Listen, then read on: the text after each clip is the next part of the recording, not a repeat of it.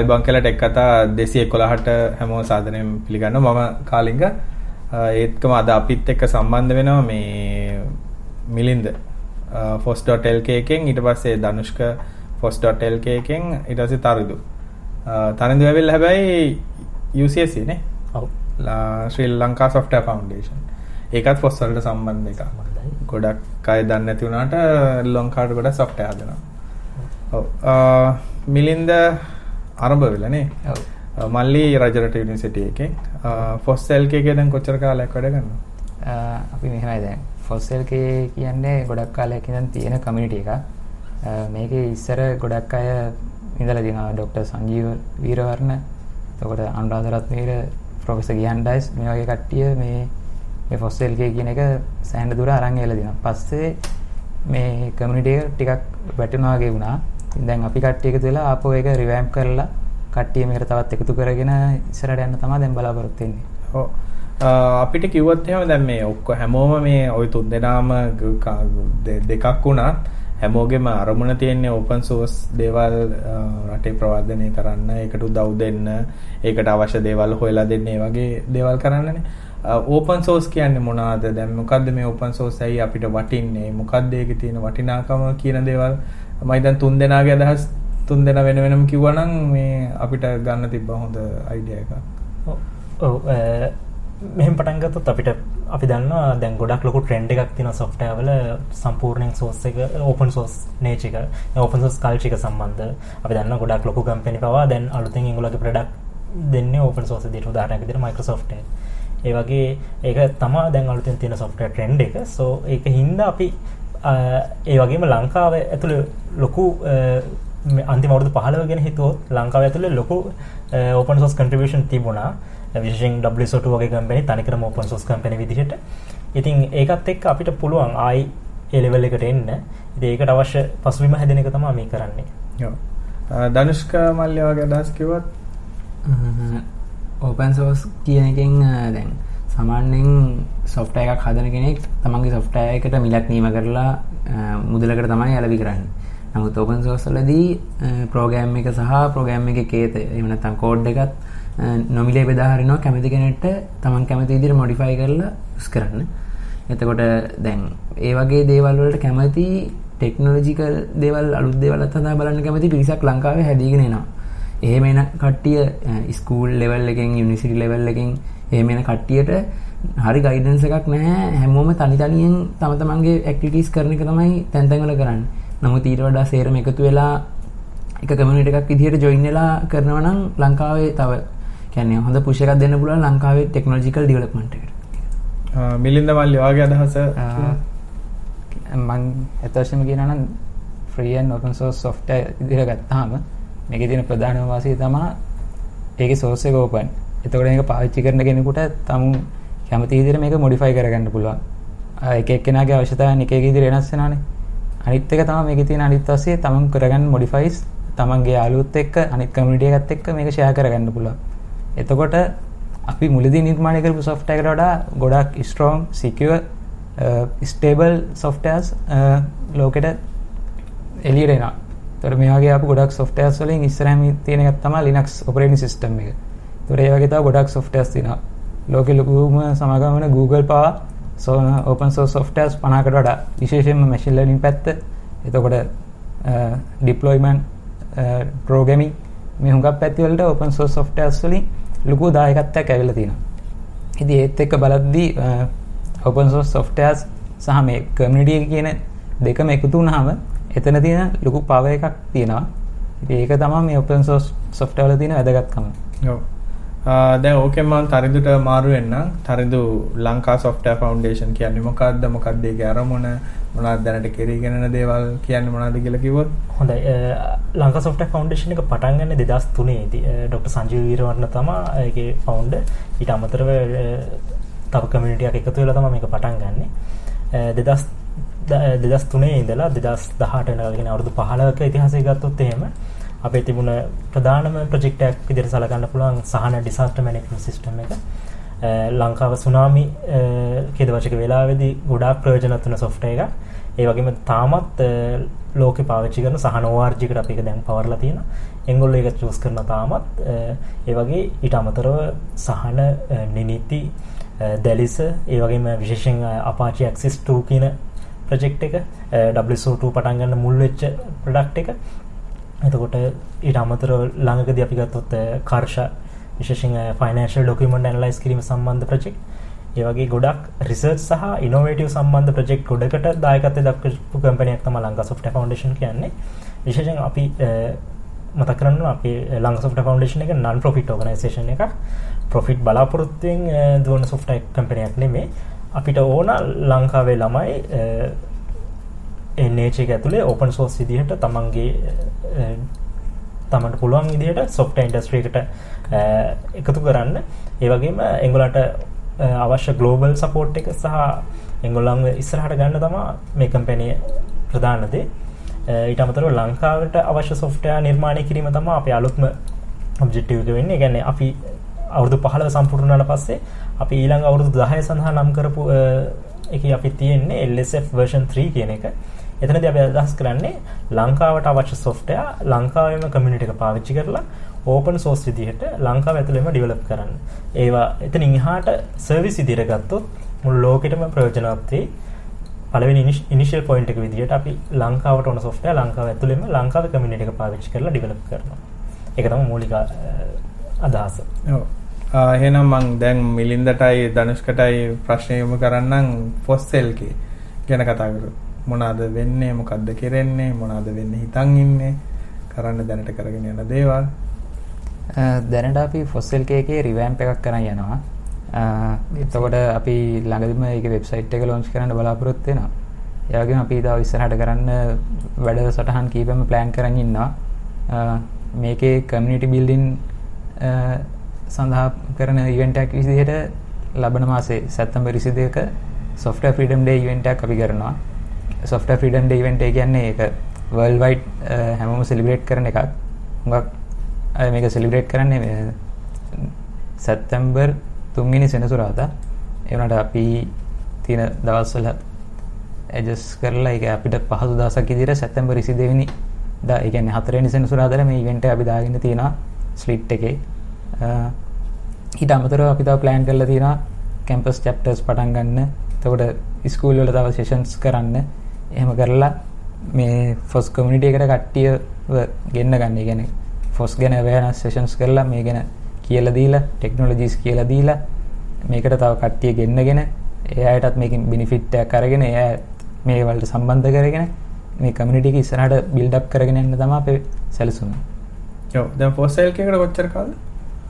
ෆොසයිල් එකකට ගොඩක් කල් ඇත්තටම කිව්වොත් ඒක පටන් ගත්ත එතන ෆොස්ලොට්ටල්ක එකත් එල්SF එකත් එකම කාලෙකම තම පටන් ගත්තේ. ඩොක්ට සංජීව තම මුල්ලුන්නේ එතකොට අපි ගත දෙදස් පහේදී සොෆ්ට ෆ්‍රීඩම් ඩේ එක සම්පූර්ණයෙන් සංජීව මුල්ලල තම කරේ. තොට ඒ කාලිදම්ම ෆොස්ටොට්ටල්ක සහ ඔපන් සොස්ටොට්ටල් එක ලං එල්SF එක එකටම තමයි ඉස්සරටාවේ පස්සේ කාලෙක දේකට ඉන්වෝල් වෙන්න පුළුවන් කාලෙත් අඩුවීමත් සමඟ පොස්ටොට්ටල්ක එක ඇක්ටව් සෝ ෆොස් එක ඇවිල්ලා කමියුනිටි ඩ්‍රිවන් කමියුනිටි ප්‍රොජෙක්ට් එකක්. ඒ කියන්නේ කමියුනිටි එකක් තමයි ඒක හැන්ඩල් කරන්නේ. ලංකා සොෆ්ට්වෙයාර් ෆවුන්ඩේෂන් කියන්නේ අතන non profit organization එකක්. ඕගොල්ලන්ට බඩි හම්බ වෙනවා එහෙමයි. නමුත් fos.lk එකේ වැඩ කරනවා නම් තමන්ගේ අතේ සල්ලි වලින් තමයි වැඩ කරන්නේ. open source කියන්නේ ඒකනේ. අතේ තමන්ගේ අතේ සල්ලි වලින් අනුන්ට software ලියලා දෙන එක. දැන් ඔහොම ගත්තොත් එහෙම දැන් මේ ලංකාවේ open source product පාවිච්චි කරන එකේ නැඹුරුතාවයක් තියනවාද? කට්ටිය කැමතිද? මොකක්ද? ඒ කියන්නේ දැන් උදාහරණයක් මම දන්නවා. දැන් ගොඩක් අය උත්සාහ කරනවා දැන් මේ දැස තාමත් Firefox ප්‍රොමෝට් කරගෙන යනවා. ඒ වගේ දේවල් වෙන ඊට අමතරව දැන් Linux පාවිච්චි කරන අයට දැන් ගොඩක් අර කිව්වාගේ ප්‍රසිද්ධ දෙයකට තියෙන Linux නේ. Linux සහ ඒවට තියෙන Apache project. එහෙම නැත්නම් ඒකේ KDE හරි මාකරි use මේ UI දුවන ඒවා. ඒ වගේ ඒවා දැන් use ගොඩක් අය open source වලට අකමැති දෙයක් හේතුවක් තමයි ගොඩක් කරලා පාවිච්චි කරන්න දන්නකම ඒක දාන්න ගියාම එන ප්‍රශ්න එහෙම නැත්නම් කවුරුත් උදව් කරන්න නැහැ පාවිච්චි කරන ප්‍රමාණය අඩුයි අහන්න කෙනෙක් නැහැ ඒ වගේ වෙලාවට ඕගොල්ලෝ කොහොමද මේ අයට උදව් කරන්නේ? ඕගොල්ලන්ගේ මොන හරි සිස්ටම් එකක් තියෙනවද? වෙබ්සයිට් එකක් තියෙනවද? කට්ටියට සම්බන්ධ වෙන්න ක්‍රමන්න පුළුවන් දුද හොයාගන්න? මොකද කමෙන්ට් එකක් විදියට ලංකා සොෆ්ට්වෙයාර් ෆවුන්ඩේෂන් එක ඇතුළුව ෆොස්සෙල් එකේ කොහොමද මේ අපි සාමාන්‍යයෙන් මහ ජනතාව කියන එක අතරට ගෙනියනකොට මාස් මාකට් එකට ගෙනියනකොට ඕපන් සෝස් ටිකක් අමාරුනේ. දැන් ඔයගොල්ලෝ කිව්වා ටෙක් අයව තමයි ගන්නේ. ටෙක් අය මේකට ජොයින් කරගෙන කෝඩ් ලියන් නමුත් ඒක අතලොස්සක් නේ. නමුත් දැන් අපි Linux ප්‍රතිශතයක් ගත්තොත් එහෙම ඩෙස්ක්ටොප් ඔපරේටින් සිස්ටම් මාකට් එකේ හරිම පොඩි ප්‍රතිශතයක් තියෙනවා. ඉතින් ඒක වැඩි කරන්න ඕගොල්ලෝ මෙහි උත්සාහ කරන මොකද අපි දන්නවා ලංකාවේ ගොඩක් software piracy වැඩි. ගොඩක් අය හිතන්නේ Windows copy එකක් අරගෙන crack කරලා දාගන්න එක හොඳ වැඩක් කියලා. ඒ වුණාට ඊට alternative තියෙනවා කියන එක කවුරුත් දන්නේ නැහැ. සමහරවිට ඊට වඩා හොඳ වෙන්නත් පුළුවන්. උදාහරණයක් කිව්වා open source project secure වැඩි, updates එනවා patch එකලා Windows දාගත්තාම සමහරවිට අපිට update කරන්න බෑ ඒක crack කරලා හින්දා ඒ වගේ ප්‍රශ්න ඒවට කොහොමද ඔයගොල්ලෝ උපකාර කරන්නේ? මා මලින් මිලින්ද මල්ලිගෙන් පටන් අරන් අපි යමු කරමු. අපි ෆොස් LK එක ගත්තාම අපි දැන් මේ රිවෑම් කරන ප්‍රොසෙස් එකේ ඉන්නේ. ඒතකොට අපි දැන් සයිට් එක හදාගෙන යනවා. ඒ වගේම අපිට තව ෆෝරම් එකක් තියෙනවා. අපි මේ ෆෝරම් එක පාවිච්චි කරලා ඒ ප්‍රශ්න දින කට්ටියට ඇවිල්ලා ෆෝරම් පෝස්ට් එකක් දාන්න පුළුවන්. අපිට මේ වගේ ප්‍රශ්න දිනනවා එහෙම කියලා. එතකොට අපේ කමියුනිටි එකේ ඉන්න කවුරු හරි මේ ගැන නොලෙජ් එක තියෙන කෙනෙක්ට ඇවිල්ලා ඒවලට උත්තර දීලා ඒ කට්ටියගේ ප්‍රශ්න විසඳලා දෙන්න පුළුවන්. ඒ වගේම තව අපේ මේලින් ගෲප් එකකුත් තියෙනවා. සයිට් එක හදලා ඒක අපි ලොන්ච් කරන්නත් බලාපොරොත්තු වෙන ඉක්මනටම. එතකොට ඒ ඒවලට ලින්ක් දාලා තියෙන ඒ හරහා ඇවිල්ලා අපිත් එක්ක සම්බන්ධ වෙන්න පුළුවන්. එතකොට ඒ කට්ටියට තියෙන ප්‍රශ්න අපිට ඉදිරිපත් කරලා ඒවල විසඳුම් හොයාගන්නත් පුළුවන්.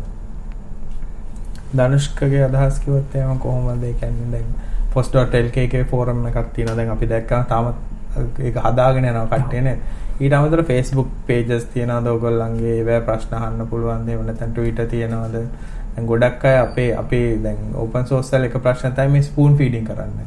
spoon feeding කරන්නේ කියන්නේ ඇනලා කියලා දෙන්නේ මෙතන බොත්තම උබන්න කියලා. ඉතින් එතකොට ඒවට ඔයගොල්ලෝ මොනවද උපකාර කරන්නේ? කෝවි වගේ විදිහට තියෙන ගොඩක් අය Linux open source භාවිත කරන හේතුව තමයි ඕවා හදන්නේ කරන්නේ ගීක් කට්ටිය ඒගොල්ලෝ සාමාන්‍ය මිනිස්සේ ප්‍රශ්න අහුවම හම්බ වෙන උත්තරේ හරියව. ඒකට මේ කොහොමද ඔයගොල්ලෝ මේවා කරන්නේ? ලිනක්ස් OS කියන එක ගත්තොත් ඒකේ එක එක versions තියෙනවා. hard users ලට තියෙනවා. වගේම මේ normal Windows වලට කැමති කට්ටියන Mint වගේ OS තියෙනවා. Elementary වගේ OS තියෙනවා. ඒ වගේ කියන්නේ Linux කියන එක එක එක්කෙනාට customize කරලා කැමති විදිහකට ගන්න පුළුවන්. ඒ වගේ customize කරපුවා distribute කරලා තියෙනවා. එක එක වල කට්ටියව address කරන්න. දැන් Elementary සහ Mint කියන්නේ වගේ Linux base කරගෙන හදපු OS දෙකක්. ඒ වගේ එතකොට සහ ගොඩක් කට්ටිය ඕපන් සෝස් ඒවා හරි නෑ කියන්නේ ඒගොල්ලෝ ඒකට ඒක යූස් කරන්න පෙළඹෙන්නේ නැහැ. මොකද මාකටිං ප්‍රොඩක්ට්ස් ගත්තොත් Microsoft ප්‍රොඩක්ට්ස් ගත්තොත් ඒගොල්ලෝ ඒවා මාකට් කරනවා. ඒක මොකද ඒගොල්ලෝ ඒකට මිලක් නියම කරලා තියෙන නිසා ඒගොල්ලන්ගේ ආදායම් මාර්ගය ඒක හින්දා. නමුත් ඕපන් සෝස් දේවල් වලට එහෙම කවුරුත් මාකට් කරන්නේ නැහැ. ඕපන් සෝස් දේවල් මාකට් වෙන්න ඕනේ තියෙන කමියුනිටි එක ඇතුළෙන්ම තමයි. ඒක නිසා මුලින්ම අත්‍යවශ්‍ය දේ තමයි අර ස්ට්‍රෝං කමියුනිටි එකක් හදාගන්න එක සහ කමියුනිටි එකේ අවයර්නස් එක ඇති කරන්න දැන් තියෙන දේවල් හැමෝමත් එක ඩිස්ට්‍රිබියුට් කරගන්න.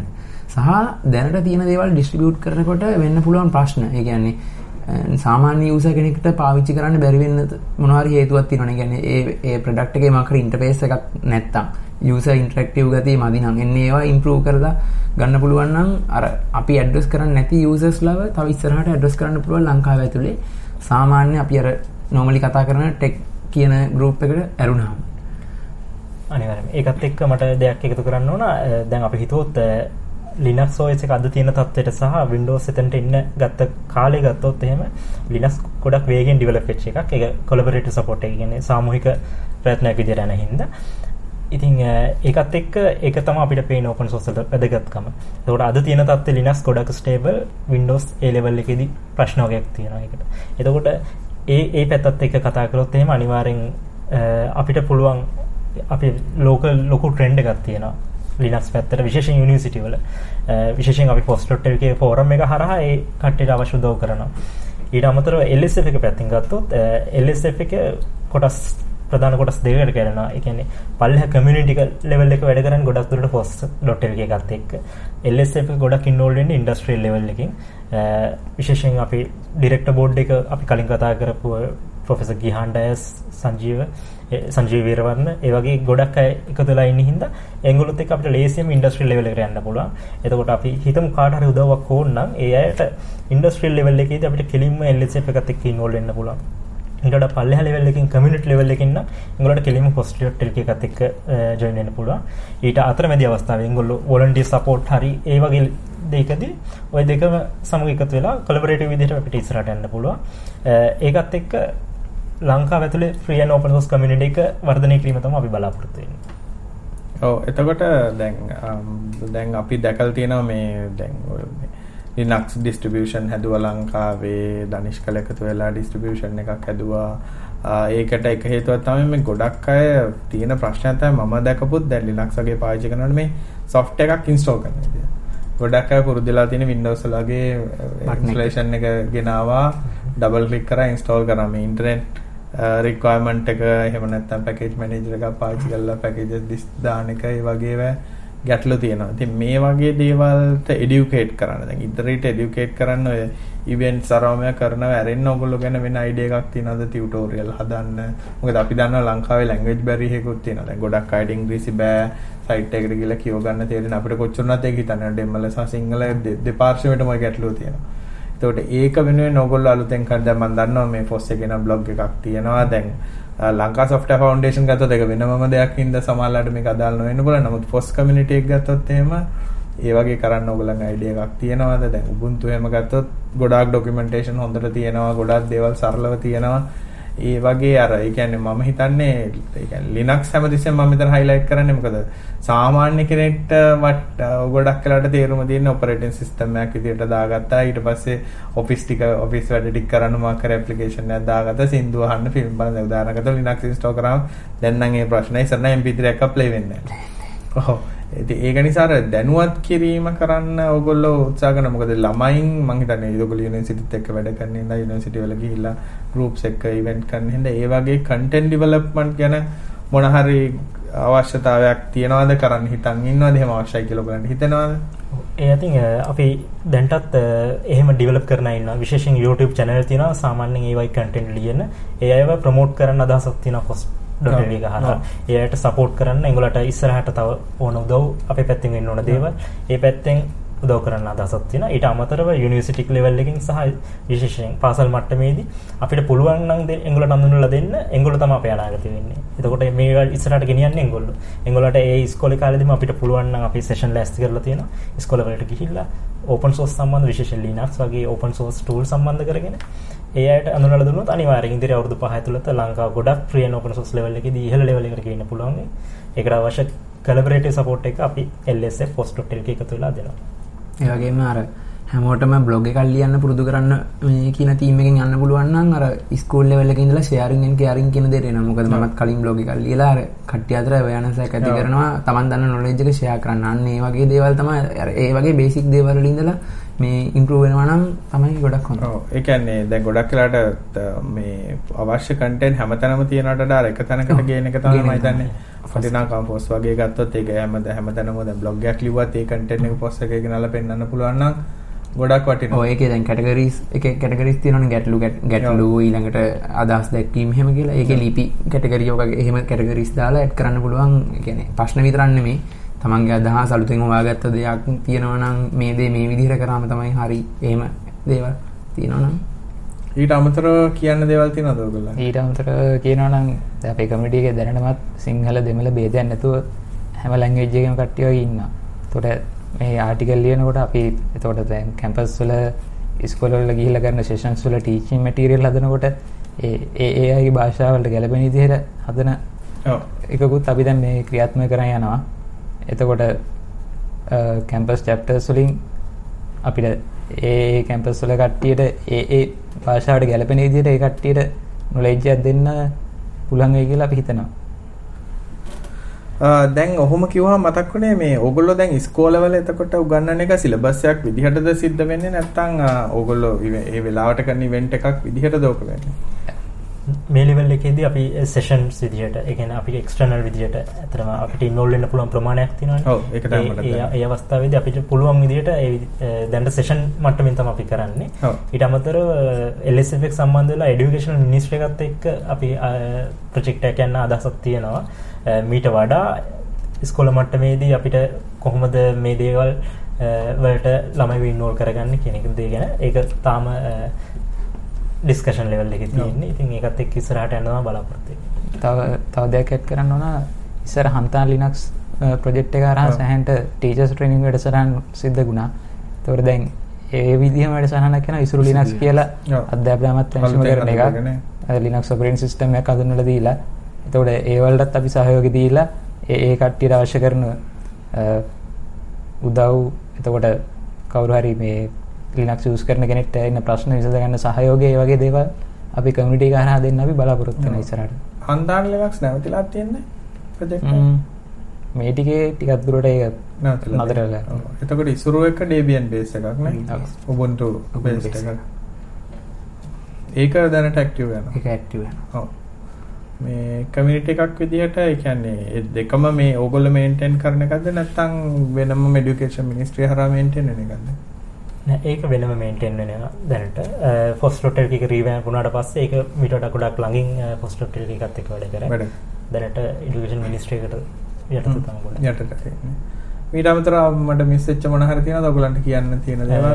ඔව් විශේෂයෙන් LSF එකේ යටතේ ගත්තොත් LSF එකට දැන් අපි ගොඩක් ගවර්න්මන්ට් එකට සම්බන්ධ ප්‍රොජෙක්ට් මේ දවස්වල අපි කරනවා. ඉතින් අපි ආරාධනා කරන විවෘත ආරාධනයක් වොලන්ටියර් කන්ට්‍රිබියුෂන් කරන්න කැමති අයට ඕපන් ඉන්විටේෂන් එකක් දෙනවා. කැමති නම් අපිට අපිත් එක්ක එකතු වෙන්න පුළුවන් opensource.lk සයිට් එක හරහා. අ, ඒකත් එක්ක අපිට පුළුවන් වොලන්ටියර් කන්ට්‍රිබියුට් කරන අයට ඒ අදාළ අවස්ථා දීලා අපි ලංකාවට අවශ්‍ය software හදන්න ඒගොල්ලෝ හවුල් කරගන්න බොහොම කැමැත්තෙන් ඉන්නවා. එහෙමනම් ඒ මිලියන වගේම වලට- ෆොසිල් එක ගත්තොත් දැන් අපි කමියුනිටි එකක් තාම මේක ග්‍රෝ අප් වෙන එකක්. කිහිප දෙනා ඉන්නේ. එතකොට මේ මොසිල්ලා කමියුනිටි වලින් එතකොට එක එක කැම්පස් වල අපේ තියෙනවා මේ මොසිල්ලා කැම්පස් ක්ලබ් සහ ෆොසිල් ගේ චැප්ටර්ස් දැනටමත් පටන් අරගත්ත ඒවා තියෙනවා. එතකොට මේ චැප්ටර්ස් වලින් ජොයින් වෙච්ච කට්ටිය මේ මේ අය තමයි දැනට ඉන්නේ. එතකොට අපිත් එක තව සපෝටිව් අද කමියුනිටිස් ජොයින් වෙලා තියෙනවා. GJSLK ඇන්ඩ්‍රොයිඩ් වැඩකාරයෝ සොස්ටේඩමල් එඩියුකේෂන් ෆවුන්ඩේෂන් ඒ වගේ අපිත් එක ජොයින් වෙන්න තව කමියුනිටිස් තියෙනවා. ඒතර ඒ කට්ටියත් එක්ක එකතු වෙලා අපි අනිත් අයටත් ආරාධනා කරනවා මේකට ජොයින් වෙන්න කැමති කට්ටිය ඉන්නවා නම් එන්න ඔයගලන්ට පුළුවන් ඔයගලන් අපිත් එක්ක කනෙක්ට් වෙන්න තියෙන මේන්ම ඉන්ටර්ෆේස් එක තමයි අපේ ෆෝරම් එක force.lk/forum ඒකට ඇවිල්ලා ඔයගලන්ට පුළුවන් මැසේජ් එකක් දාන්න පෝස්ට් එකක් දාන්න දාලා ඊට පස්සේ දැනටමත් අපි software freedom day එක සම්බන්ධව ඒකේ කතා බහ කරනවා. එතකොට ඒ දේවල් වලට ඇවිල්ලා රිප්ලයි කරලා ඔයගලන්ට අපිට උදව්වක් කරන්න පුළුවන් නම් ඔයගලන්ට කරන්න පුළුවන්. එතකොට අපෙන් උදව්වක් ඔයගලන්ට එන්න ඕන ඒ දේවලුත් ඔයගලන්ට ඉල්ලන්න පුළුවන්. අ, ඒ විදිහට අපේ බලාපොරොත්තු මේ කමියුනිටි එක තවත් වැඩි කරගන්න. ඒ වගේම ෆොස්ට් එල්ගේ කියන එක මීට කලින් තිබිච්ච ගන්නේ. එතකොට මේකේ ඉස්සර ඉඳලම සපෝට් කරපු කට්ටිය ඉන්නවා. අදටත් ඉන්නවා. එතකොට අපි බලාපොරොත්තු වෙන ඒ කට්ටියව මේ software freedom day එක දවසට ගෙන්නලා ඒ කට්ටියත් එක්ක ආ එකතු වෙලා සමහරක් අ, ඉස්සර තිබ්බ ෆොස් මැගසින් එකක් තිබ්බා. ඒ වගේ ඒවා ආයෙ පටන් අරගෙන දිගටම කන්ටිනියු කරන් යන්න තමයි අපේ බලාපොරොත්තු ඉස්සරහට. ඔව් එහෙනම් බොහොම ස්තුතියි මිලින්ද ධනුෂ්ක මේ තරිදු අපිත් එක්ක අද සම්බන්ධ වුණාට ඕගොල්ලෝ සම්බන්ධ කරගන්න නම් post.lk එකට යන්න පුළුවන් නැත්නම් opensource.lk වෙබ්සයිට් එකට ගියා නම් විස්තර දැනගන්නත් පුළුවන් සම්බන්ධ කරගන්නත් පුළුවන්. එහෙනම් බොහොම ස්තුතියි කට්ටිය අද සම්බන්ධ වුණාට. ඒක බොහොම ස්තුතියි අපිට අවස්ථාව දුන්නට. අපි දැන් ෆොස් එක කතා කරගෙන ඉන්නකන් රණුක දිල්හාර කඩා වාත්තනා. ගිය සතිය මොකෝ උනේ? ගෙසට මැච්ච බලන්න ගියානේ ඇච්චවානිකයන් කවුරු හරි ගෙල්ලෙට්ට මොන හරි කියලා ගියා පස්සේ එන්නේ. නෑ නෑ මැච්ච බලන්න ගියේ යාළුවෙක් ආ, අපි ප්‍රශ්න වලට මාරු වෙමු. ටක් ගාලා අද මේ බුද්ධිකට සනීප නැහැ සනීප නැහැ නේ මෙඩිකල් චෙකප් එකක් කියලා හොරට මේ ස්පිරිතාලේ මම හිතන්නේ මේ වුණා එතකොට ඉන්ෂුරන්ස් ක්ලේම් කරන්න පුළුවන්. ගියේ Check up සන්නේ කරා. පොඩි කූට ව්‍යාපාරයක් කරා. බුද්ධිකගේ ඉන්ෂුරන්ස් හැන්ඩල් කරන කවුරු හරි ඉන්නවා නම් දෙන්න එපා. ආ, තිල්ල නිදිමතයි කියලා කියන්නේ. ඒක. නැත්තර මේ මගේ පැත්තේ තමයි ප්‍රශ්නේ උනේ. ගවුල නෑ මාත් පරක් වුණා මොකද අර මේ වතුර ගහගෙන මේ කැම්පස් කට්ටි. හා ප්‍රශ්න මම බලාගෙන බලාගෙන බලාගෙන යනකොට යනවා සර්වර් එකක් මිලදී ගැනීමේදී සැලකිය යුතු කරුණු. අපි 2000 දැන් 210 2000 ගානක එපිසෝඩ් ටෙක් කතාවේ ආයිද 2010. මේ වාගේ ලව් ටිප් එකක් දුන්නේ නැහැ රණක දැන් හැමෝම අහනවා මේ මොකද්ද කරන්නේ මොනවද දෙන්නේ කියලා. ඒක තමයි කෙනෙක්? කියලා දෙන ලංකා කොමිකොම් ගැන පොඩ්ඩක් කියන්න කියලා. ඔයා දන්නවද ඉතින්? ලංකා කොමිකොම් කියන්න අර මේ කෝස්පලේ ඇඳලා කරන එකනේ. ඉතින් ඔය මේ අවුරුද්දේ ගොලයින් කමිටියක් තියෙනවා මේ කමිටි එකක් තියෙනවා Facebook එකේ පොඩ්ඩක් සර්ච් කරන්න හරි මේ ඒක ගැන නම් මම දන්නේ නැහැ. ඒක නිසා ඒක ගැන අපි දන්න කෙනෙකු සම්බන්ධ කරා ඒක ගැන කතා කරමු. ආ, ඊට පස්සේ ප්‍රශ්නයක් තියෙනවා ඔක්කොම ප්‍රශ්න වලට මේ කට්ටිය උත්තර දීලා. ආ, Windows රන් කරගන්න පුළුවන් බජට් සුපර් කම්පියුටර් එකක් ඒක අපි උත්තරයක් දීලා තියෙනවා.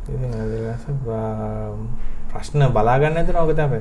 ඔව් මේක ගැන කතා කරන මේ බෝල් සොකට් එකත් එක්ක USB නේවා තියෙනවා දැන් ගොඩක් අය ඕක පාවිච්චි කරනවා. ඒ කියන්නේ අ, මේ බිත්තියට එන මල්ටි ප්ලග් සොකට් එකක් වගේ එකක් එක්ක මේ USB පෝඩ් දෙකකුත් එනවා.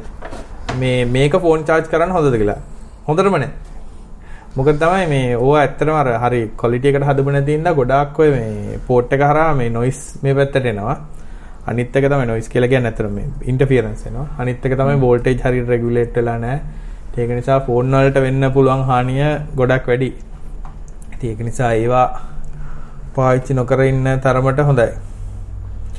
දැන් ඉතින් ඔය මේ ඔව් වෙන මේ හොඳ කම්පැනි වලත් ඔය කෙවිල්ටන් ඔරෙන්ජ් වගේ වලත් තියෙනවනේ දැන් මල්ටි ප්ලග් එකත් එක්ක ඕ ඒ වගේ එකක් නම් ඉතින් ගත්තට කමක් නැහැ. මේ අර මේක චයිනීස් ලගේ තියෙන එකක් තමයි මෙයා මේ ෆොටෝ එකක් දාලා තියෙන්නේ.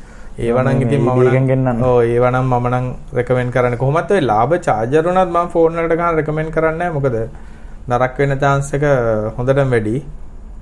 ඉතින් ඒක නිසා ඒවෙන් පුළුවන් තරම් අයින් වෙලා ඉන්න එක තමයි හොඳ. ඊට පස්සේ තව අහලා තිබ්බ එක්කෙනෙක් මේ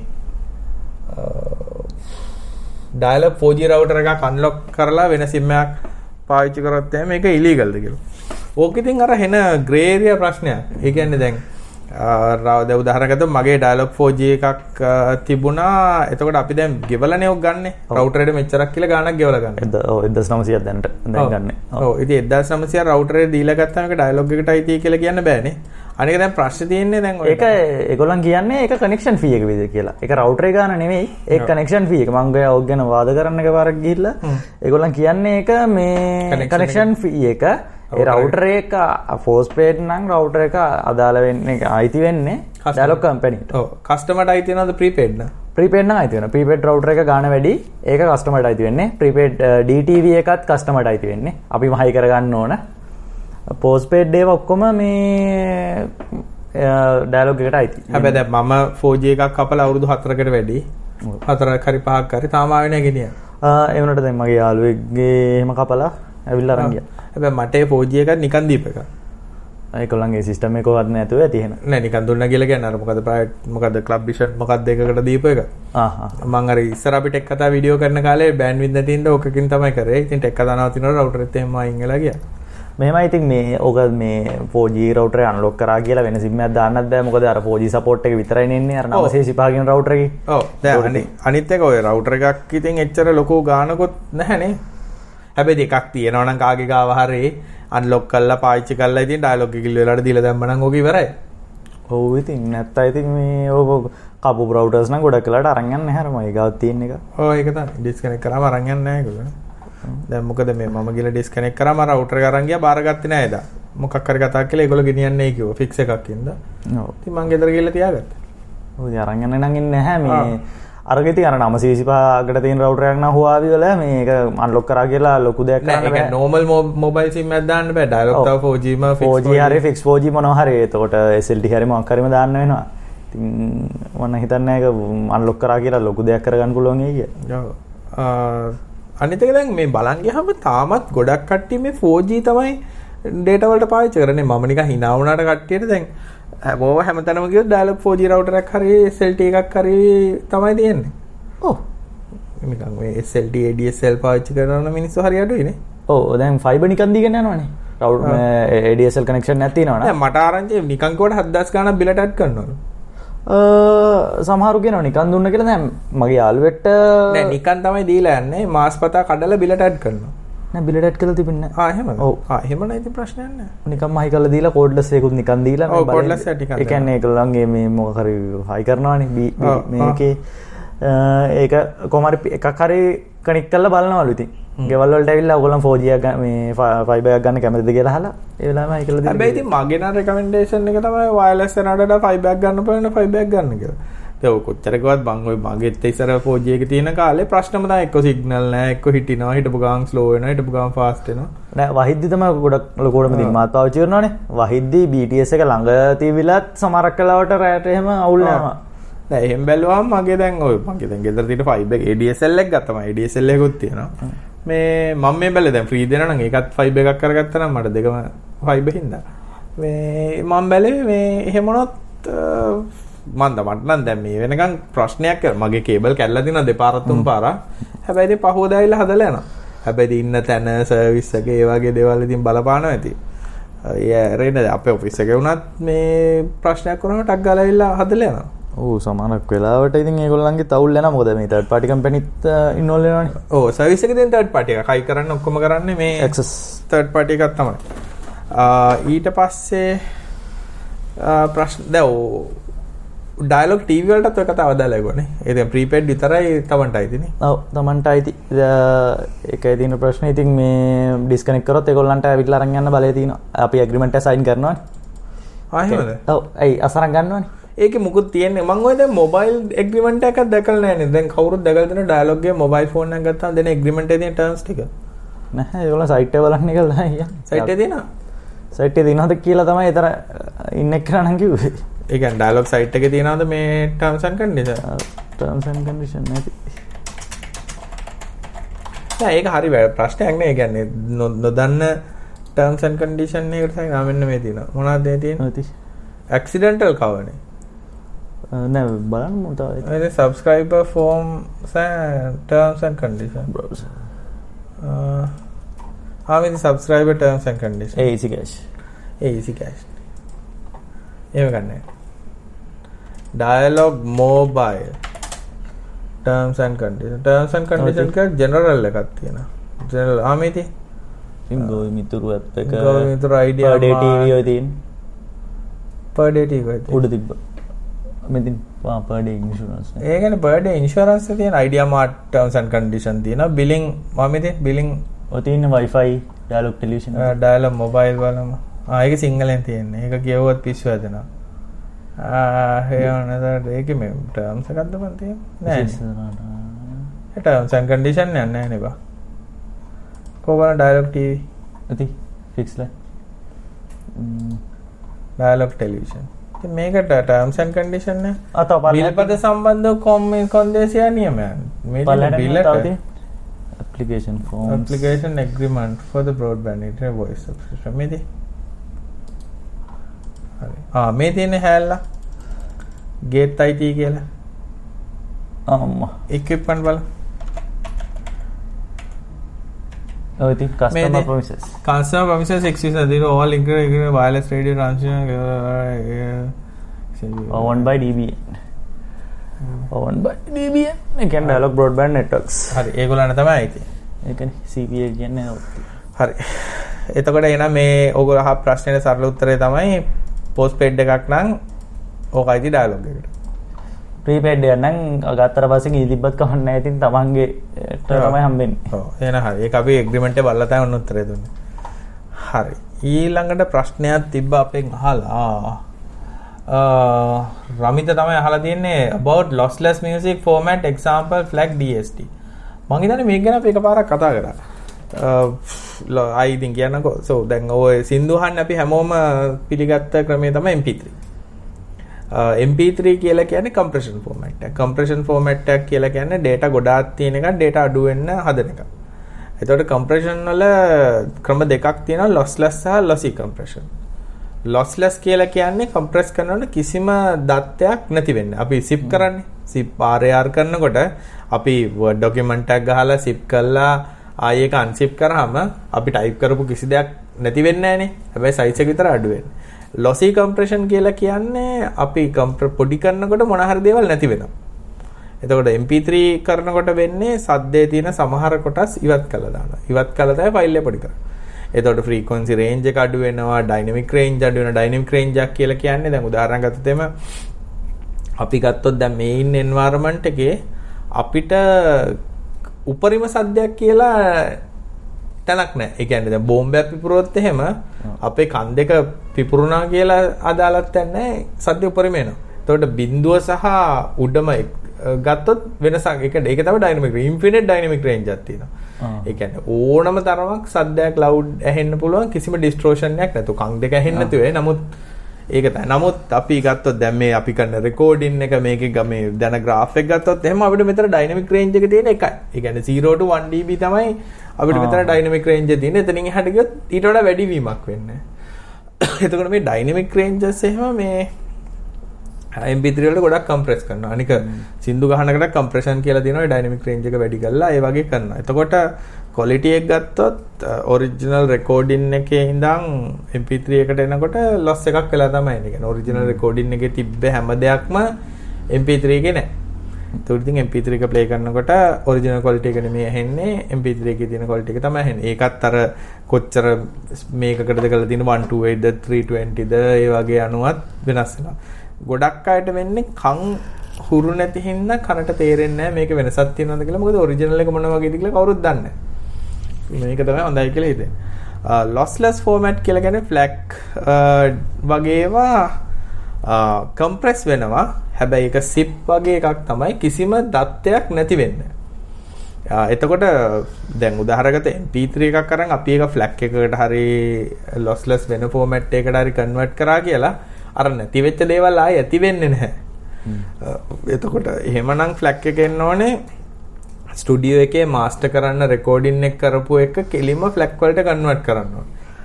ඉතින් එහෙම කන්වර්ට් වෙච්ච තමයි මේ ෆ්ලැක් DSD DSD ඇත්තටම කියලා කියන්නේ මේ ඩිජිටල් ඒ කියන්නේ උදාහරණ ගත්තොත් අපි CD එකක් ගත්තොත් DVD එකක් ගත්තොත් ඒවා ඔක්කොම තියෙන audio PCM PCM විදිහට තමයි data එන්නේ.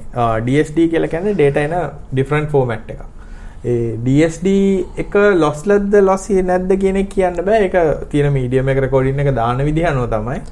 නමුත් ගොඩක් වෙලාට lossless digital formats වලට පාවිච්චි කරන්නේ FLAC ඒ වගේ දේවල් තමයි lossless වලට පාවිච්චි කරන්නේ. Apple ලගේ තියෙන lossless format එකක්. ඒ වගේ මේ format වල තමයි තියෙන්නේ. FLAC files ලොකුයි.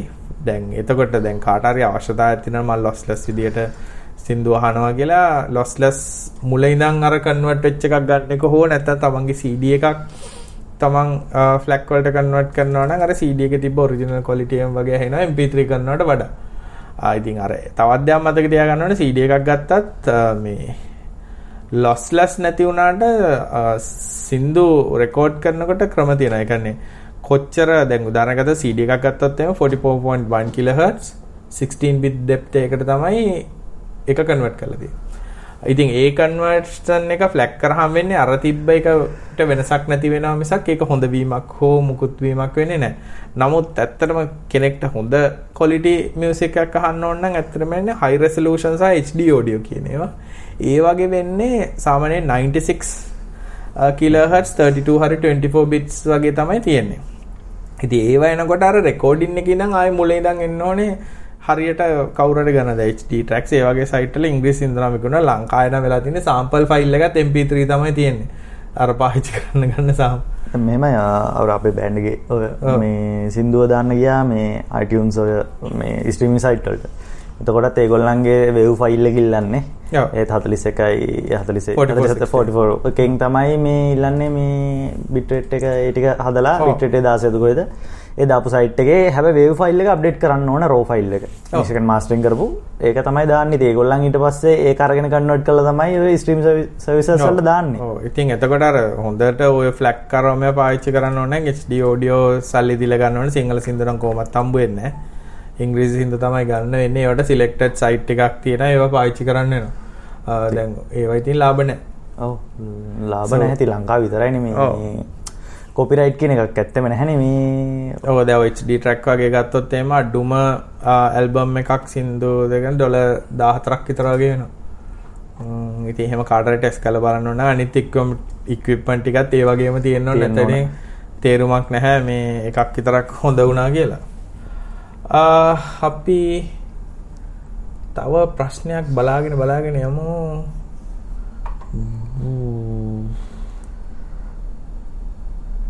ආර මේ කිව්වනේ ප්‍රශ්න බලන ගමන් කියන්නේ මේ ඔව්. මොකද්ද මේ ලංකා කොමිකොන් එකේ ඔව්. ගැන මේකෙත් කෙලින්ම වෙබ්සයිට් එකක් තියෙනවා මේකේ ඔක්කොම විස්තර ටික තියෙනවා ඉතින් ඒගොල්ලන් කරන්නේ ඉතින් අර කොස්ප්ලේ එකයි තව ලංකාවේ මේ ගීක්ලා කියලානේ කියන්නේ ඒගොල්ලන්ට ඔව්. ඒගොල්ලන් ඉතින් ඒක දැනකට එකතු වෙලා ඔය කට්ටිය කොස්ප්ලේ කරලා තමන් කැමති ඇක් මේක DC හරි මාවල් හරි නැත්තම් ඔය කැරක්ටර් එකක් විදිහට ඇඳලා එහෙම එනවා ඉතින් ඒගොල්ලන්ගේ කම්පිටිෂන් තියෙනවා ඇවිල්ලා බලන්න පුළුවන් මේ පාරක් තියෙනවා මම හිතන්නේ මේ 25 26 ඔව්. තියෙන්නේ ට්‍රේඩ් ට්‍රේඩ් එක්ස්පර්ට් සිටි එකේ මර දාන්නේ හ්ම්. කාට හරි යනවා නම් ගිහිල්ලා ඔළුව දාලා මොකෙක් හරි විදියට අරන් යන්න. මං විදියට අරන් යන්න බලන්න කාලිංග කැරක්ටර් එක. කාලින් කැරක්ටර් එකක් නැහැ නේ දැනට. ලියා ලියා ගන්න තමයි වෙන්නේ මේ එන්නේ බං කැරක්ටර් එකක්. කැරක්ටර් එකක් ටෙක් කතා මොකක් හරි වලින් මේ මොකක් හරි කතා පොතක් වගේ ලියුවොත් නම් පුළුවන් ඉතින් අපි ටිකව දාලා මේ ඔය එක්කෙනෙක් දැන් අහනවා මේ මේ ප්‍රශ්නෙට උත්තරයක් මම දුන්නාද මේ අහලා තියෙනවා මේ සුපර් කම්පියුටරයක් ගැන කතා කරමුද කියලා ඊට පස්සේ ආගෙන Windows වල run කරන්න පුළුවන් බජට් සුපර් කම්පියුටර් එකක් කියන්න කියලා. ඕකට ඉතින් උත්තරේ දෙනවා නම් මෙහෙම අපි සුපර් කම්පියුටර් ගැන ඒ කාලේ ආ, අපි එපිසෝඩ් එකක් කරා මේ YouTube එකට ගියා නම් මේ high co- high performance computing කියලා මේ අපි ගියා. මේ Windows වල දාන මේ සුපර් කම්පියුටරයක් කියලා කියන්නේ මේ software එකක් නෙවෙයි Windows වල දාන්න. සුපර් කම්පියුටිං කියලා කියන්නේ ගොඩ පුල් ලාබෙට සුපර් කම්පියුටිං කරන්න විදියක් නැහැ. මොකද මේ කාට හරි සුපර් කම්පියුටරයක් හදන්න ඕන නම් ඒක සුපර් වෙන්න නම් ඒකට CPU power තියෙන්න ඕන, processing power තියෙන්න ඕනේ. තියෙන්න ඕනේ. ඒකට ඉතින් Windows server එකක් කියන එක මේ Windows වල run කරනවා කියලා කරන්න පුළුවන් එකක් නෙමෙයි. ඒකට එතකොට සුපර් කම්පියුටිං වලට හදපු මොකක් හරි OS එකක් පාවිච්චි කරන්න වෙනවා ඒක run කරන්න. මොකද එක CPU එකක්වත් නෙමෙයි. ඔය ගොඩක් වෙලාට multiple CPU, multiple processors, multiple processor interconnect කරලා තියෙන මේ සිස්ටම් එකක්. එතකොට job scheduling ඒ වගේ ගොඩාක් දේවල් වෙන්න ඕනේ. ඉතින් සුපර් කම්පියුටර් high performance වැඩ කරන්න ඕන නම් අර මගේ වීඩියෝ සීරීස් එක බලන්න එතන ආ, මට මතක විදියට අපිට එතන එපිසෝඩ්ස් තිබ්බා ආ, බු- ගැනලා කියන්න. එපිසෝඩ් පහ. ආ, සාමාන්‍ය එක ඇවරේජ් එපිසෝඩ් එක විනාඩි 55ක් විතර වගේ. මේ ඒක පොඩ්ඩක් බැලුවනම් කට්ටියට මේ අයිඩියා එකක් ගන්න පුළුවන් මොකද්ද අපි කරේ මොනවාද වෙන්නේ කියලා. මොකද නැත්තම් මේ ඔය මේ නිකම්ම Windows වල application එක run කරලා ඒක සුපර් කම්පියුටර් එකක් වෙනවා කියලා දෙයක් වෙන්නේ නැහැ. ඒ කියන්නේ සුපර් කම්පියුටර් කියන අදහස වෙන්නේ කම්පියුටර් වලට power එකක් තියෙනවා සුපර්. ඒ power එක ගන්න නම් ගොඩක් CPU cores ඕනේ, ගොඩක් RAM ඕනේ, ගොඩක් hard drive space ඕනේ. ඒකත් සුපර් කම්පියුටර් තීරණය වෙනවා මොන වගේ දේවල් වලට පාවිච්චි කරන්න සුපර් කම්පියුටර් mathematical calculation වලට නැත්නම් simulation එකක්ද ඒ අනුව ඉතින් පාවිච්චි කරන application software ඒ වගේ දේවල් වෙනස් වෙනවා. හ්ම් AR කෝ එක ගැන අහලා තියෙනවා නේද? මං හිතේ මේ බුද්ධිකත් ආවට පස්සේ ප්‍රශ්න කතා කරන්න කියලා. ඔව් ඔව්. නැත්තම් AR කෝ එක ගැන කතා කරනවා. නෑ ඉතින් මේ AR කෝ එකේ මේ hardware ගැනනේ අහලා තියෙන්නේ. මොකද අපි එක එපිසෝඩ් එකක ටිකක් කතා කරා එක ගැන. එහෙනම් මේ බුද්ධිකය හම් කරමු. බුද්ධිකාවහම මම ඒක තමයි software engineering ඔක්කොම ටික අපි බුද්ධිකාවහම කරන්න තමයි මම හිතන්නේ ගොඩක් අය agile concepts scrum ගැන කතා කරනවා මොකද මම විතරක් තනියෙන් කතා කරනවට වඩා බුද්ධිකත් එක්ක conversation එකක් ඇති කරොත් එහෙම ඒක වටේ කියලා හිතනවා. මොකද බුද්ධික වෙනම software company එකක වැඩ කරන්නේ මම වෙනම විදියකට වැඩ කරන්නේ. ඉතින් අපි වැඩ කරන විදිහ දෙකක්. දෙකක් හින්දා ඒක කතා කරන එක්කෙනෙක් opinion එකට වඩා දෙන්නෙක්ගේ opinion එක කෙනකොට ඒක වටේ කියලා හිතනවා. ඊට පස්සේ එක්කෙනෙක් අහලා තිනවා මේ ලක්ෂාන් අහලා තිනවා මේ startup invest venture company Sri Lanka what is the process of getting them on board? What is the benefit of? කියන එක දැනට මේ investing ගොඩාක් කියන්නේ startup කියන එක දැන් නිකන් අර මේ cloud වගේ hype එකක් වෙලානේ තියෙන්නේ. incubators කියලා තියෙන ඒ වගේ දේවල් තියෙනවා. අපි ඒකට අදාළ subject එක කරන කෙනෙක් ලෑස්ති කරගෙන අපි එපිසෝඩ් එකක් කරන්න මේ අද මම මේ ටට්ටක් ගාලා පනින්නේ ගෙදර යන්න ඕනේ හින්දා. මේ අද පොඩ්ඩක් පරක් වුණා. දැන් වෙලාව 7:54යි මේ 8ටත් කිට්ටුයි අටයි. අද රෙකෝඩින් පොඩ්ඩක් පරක් වෙන්දා. ඒක නිසා අද එපිසෝඩ් එක පොඩ්ඩක් කලින් කපන්න තමයි හදන්නේ. එහෙනම් අපි ලබන සතිය හම්බ ගෙදර යන්නත් ඕනේ වැඩ වගේකුත් තියෙන නිසා. ආන මේ දවර මේ අපිට අර සපෝට් එකක් දුන්න එක්කෙනෙක් ඉන්නා නේද? කෝසල කියලා මතකද? ආ කෝසල. මේ එයා ඉතින් එයාගේම පේජ් එකේ අපේ ලින්ක් එක දාලා එයාම බූස්ට් එකක් ගහලා Facebook එකේ. ඔන්න. අපි වෙනුවෙන් අපි. අපි වෙනුවෙන් ඇඩ් රන් කරන කට්ටියක් ඉන්නවා. දැන් සමහර කට්ටිය මේ වෙනම මේ පෝස්ටන් කරනවටත් මේ සල්ලි ගන්නවන්නේ ඔව්. එපිසෝඩ් දාන්නත් ඉතින් මේ අපිට ඒ වගේ ෆෑන්ස්ලා කියන්නේ ඒ වගේ ෆෑන්ස්ලාද යාළුවද? ඒවා යාලු යාලු ඒ ෆිට් එකට කරනවා මේ ගොඩක් හොඳයිලු මේ යා මතක මේ චැට්ටුත් කරා. මේ කියනවා මේ දැන් වෙනද වගේ ටෙක් ගැන කතා කරන්න වෙලාවක් නැතුළු ඒකින්දලු මේ පොඩ්කාස්ට් ගොඩක් කළා දාන්න දිගටම කරන් යන්න. ඕන සපෝට් එකක් දෙනවා කියලා කියලා තියෙනවා. හරි. එහෙමනම් අපි ලබන සතිය හම්බ වෙමු. ආ, සුබ සතියක් ආ, එහෙනම් සුබ රාත්‍රියක් කියන්න බෑ. අද රාටම දානවද? රාට දාන්න බෑ. රට දාන්න බෑනේ. එහෙනම් දැන් සුබ සතියක් වෙන්නේ ඔෆිස් එකේ නේ. ඒක නිසා පොඩි ප්‍රශ්නයක්. ප්‍රශ්නයක් ගාලා එඩිට් කරලා නැතම මම මේ බැලුවේ. එහෙමනම් මේ අපි ලබන සතිය හම්බ එහෙනම් හරි. එහෙනම් අපි යන එහෙනම් බයි බයි